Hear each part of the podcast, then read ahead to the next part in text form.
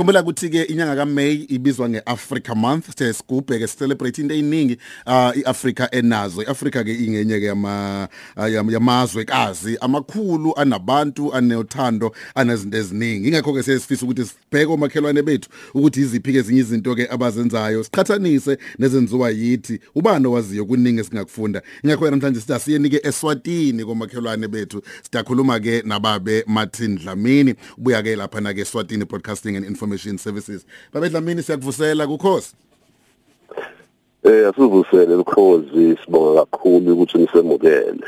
Bese ukuthi sivusele bonke balaleli belikhozi eh FM eNingizimu Afrika.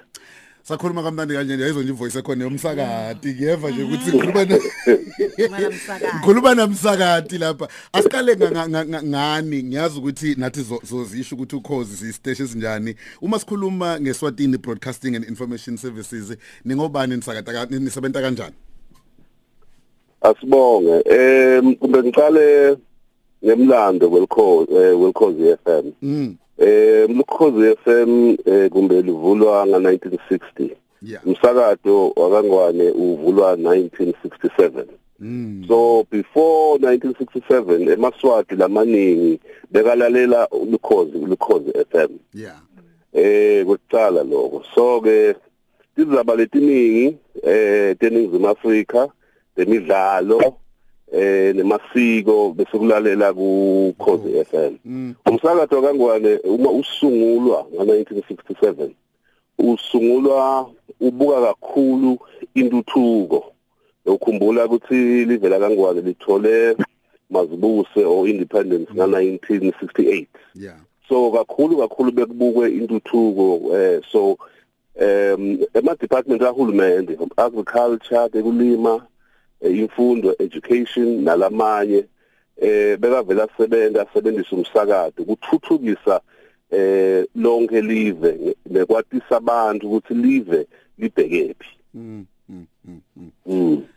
Then ngifuna ukusa kiza ke nikhona manje nani nisuka ngaboma 67 kuze kuzoba imanje ithini listenership? Eh bangakanani abantu abanilalela enivuka nabo? Senikwazela ukuphumela futhi nakwamanye ama amazwe aseduzane njengabo South Africa? Eh live la kangwane lincane Mm. eh abantu labakhona lakithi eh kube bafika ku 2 million njengamanje. Yeah. Eh umsakazo wakangwane umsaka inzalo cishe ifane nabo lusuthu lapho kunetinzaba letiningi khona mm ngakho ke kuba lukhuni kufika kuwonke umuntu.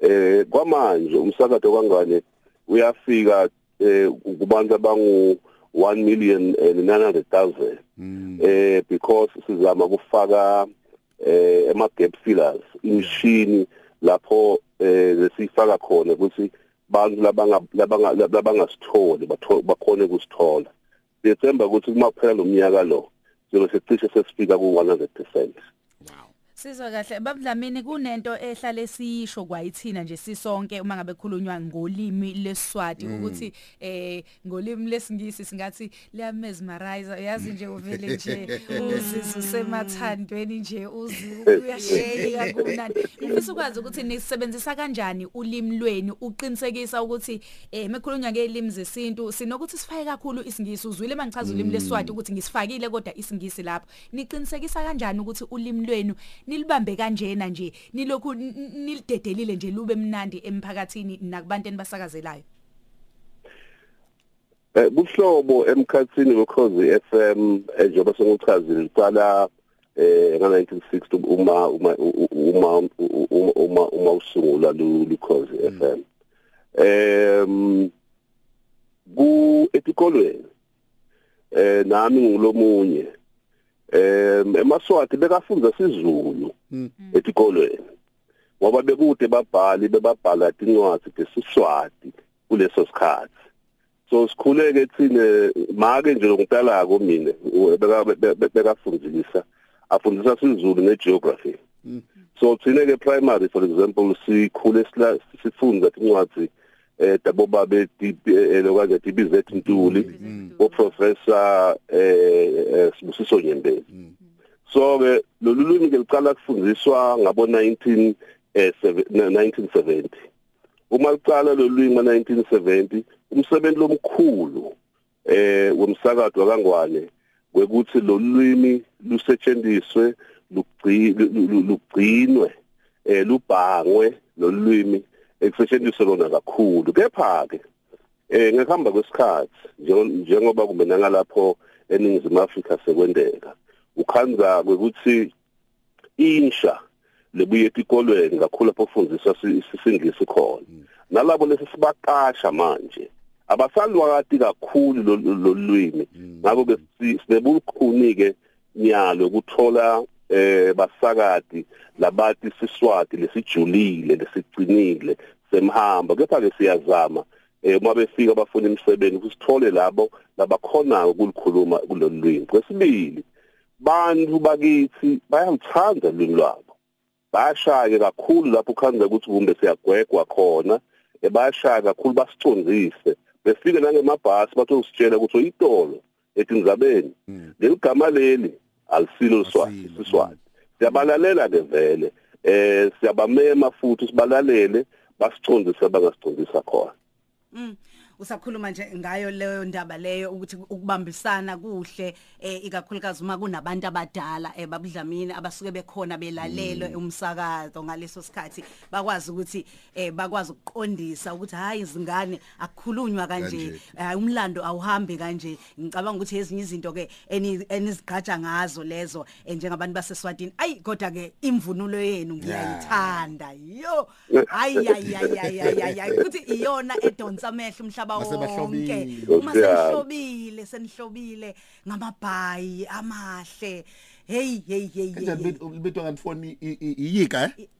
Am nilibiza ngani i- em, here ihiya ya ihiya eh, sivun- siyavunula. Li- lihiya aligcokwa eh ngalolwimi liyavunulwa. Uvunula lihiya okay. Eh mm, and then ke bese bese se- se- sesivunula emajobo njengakaZulu. Njengakwazulu imvunulo yethu cishe ifane eh cishe ifane nasebukhosini imvunulo yethu. Namasiko ethu ayacisha afane kumhlanga ukhona kaZulu umhlanga ukhona eSwatini. Eswatini. intombi kaZulu uma kunemhlanga kangwane kuyefika digitha umhlanga kangwane. Yeah.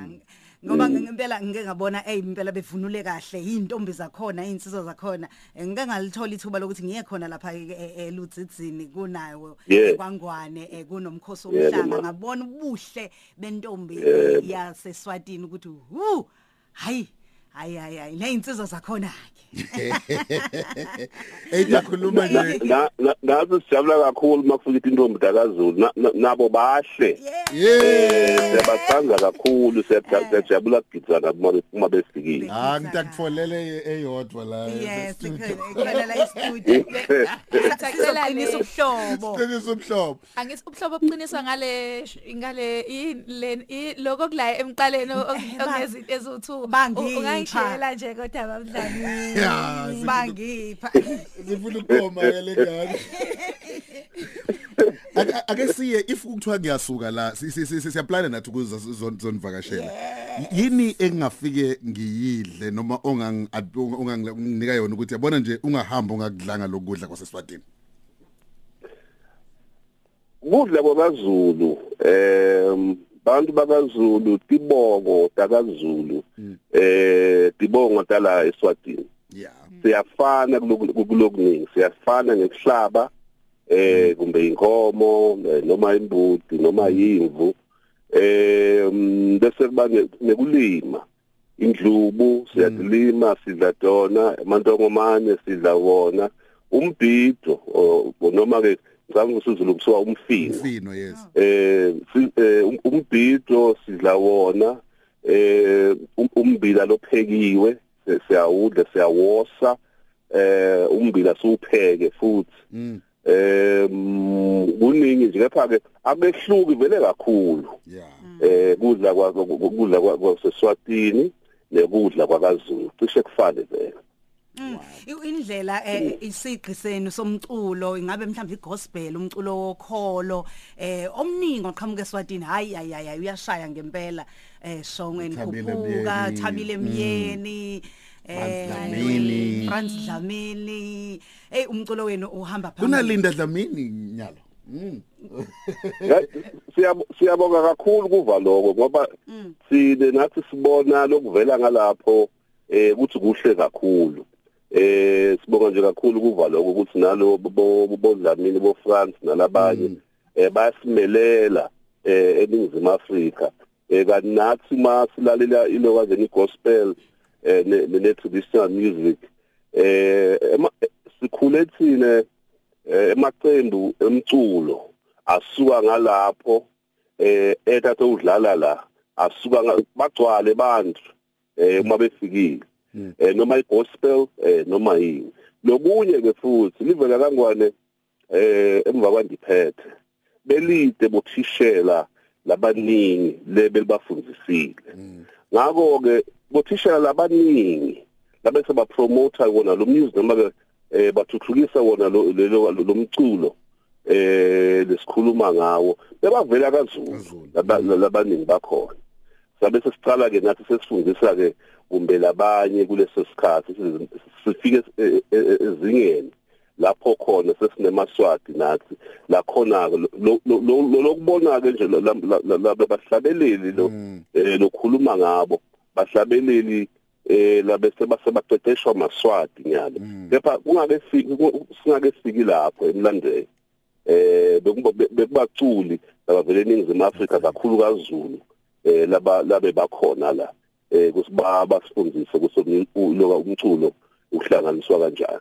Well ayiqhubeke lobu budlelwane bungobuhle kakhulu. Nathi mase sifikile ke ngapho sobe sesithathwa uweke usibonisa zonke indawo nezitudio siyosakazela kuzona. Yebo Ah singajabula kakhulu. Empeleni uma sicala ukukhuluma eh ngalolu hlelo lolu sijabule kakhulu thina ngoba sekunga sekungathi manje sehlukene kakhulu. Kanti sibantu banye ngiyabonga bantu banye sikhulela kangwane thina eh kukhozi FM lalela silandela ibhola yalapho. Eh ngike ngakha luhlelo ngoba eh ngike ngasebenza naka television ngakha lihlelo lwe- lwemlando webhola eh yakangwane kusukela ngandiphethe nga1968 yeah. Ngakhanza ukuthi eh badlali abaningi boba bequlu bo Sugar Ray. Eh bebahlala bebahlala la kangwane bahlala embabane. Badlalela imbabane imbabane swallows. Ngeke ngakhuluma ke naye eh uma ngenda lelihlelo kepha bekasangathi akasaphili kahle. Eh ngabe interviewer eh, elicingweni eh ngemlando wakhe. So nebhola nekuthanza ibhola nekulalela ibhola bantu bahlangana balalele eh ukhozi FM eh lusaqala ngoba station sakithi besingakayisakade ibhola ngaleso sikhathi. Wow. Fanele ngosibonga kakhulu siza ukhuluma futhi nawe ngokuhamba kwesikhathi. Lokhu sibheka nje ezinye zezinto. Kuhle kakhulu ukuthi sikwazi ukuthi nanti sibe nesithombe sokuthi kwenzakalani kwangwane. Nani futhi nazi ukuthi yini enzakalayo ngala iningizimu Afrika? Sithemba ukuthi lokho sesicala ngeke ku ngeke kushabalale. Sichubeke ngoba eh sizobe sisebenza umsebenzi omkhulu sibasakadi uma sikhona kuhlangana sihlanganise balaleli bethu badale beve ukuthi babomakhelwane. Baba siyabonga kakhulu. Ba kakhulu ba